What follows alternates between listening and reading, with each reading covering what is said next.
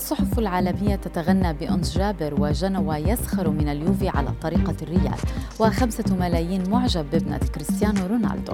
هذه الأخبار وغيرها تتابعونها على العربية بودكاست. تغنت الصحف التونسية والعالمية اليوم بالإنجاز التاريخي الذي حققته أنس جابر في لعبة التنس. إذ توجت اللاعبة البالغة من العمر 26 عاما ببطولة مدريد المفتوحة للتنس. نجوم الفن هنأوا أنس بهذا الإنجاز العالمي الكبير ومن بينهم أبناء بلدها ظافر عابدين وهند صبري والفنان اللبناني راغب علامة.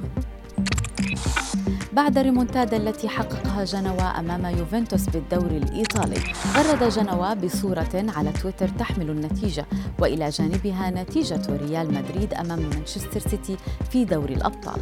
وكان اليوفي تقدم بهدف في الدقيقة الثامنة والأربعين قبل أن يعود جنوى مسجلا هدفين في الدقائق الأخيرة وهو الأمر الذي سبق وأن حدث في مباراة أسطورية ضمن دوري أبطال أوروبا أثمرت عن تأهل ريال مدريد على حساب مانشستر سيتي بسيناريو لا يصدق.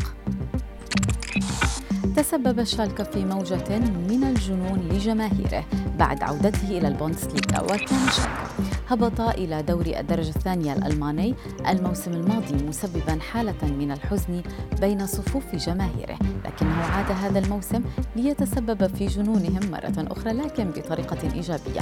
واحتفظ عدد من المشجعين بقطع من الشباك وجزء من العشب والأرضية للذكرى فيما وشم آخر شعار النادي على ظهره.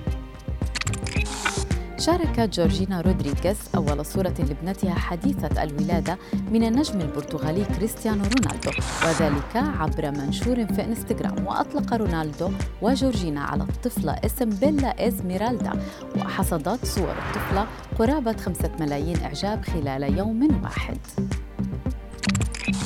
كشفت شركة للملابس الرياضية بالتعاون مع نادي مانشستر سيتي اليوم النقاب عن قميص محدود الإصدار احتفالا بمرور عشرة أعوام على هدف سيرجيو أغويرو الأسطوري. ويشير القميص للعام 2012 السنة التي سجل فيها الهدف والتوقيت الذي سجل به مطبوعا على الرقبة. ويتميز القميص بقاعدة بيضاء مع أطواق زرقاء فاتحة وتفاصيل باللونين الأزرق والذهبي.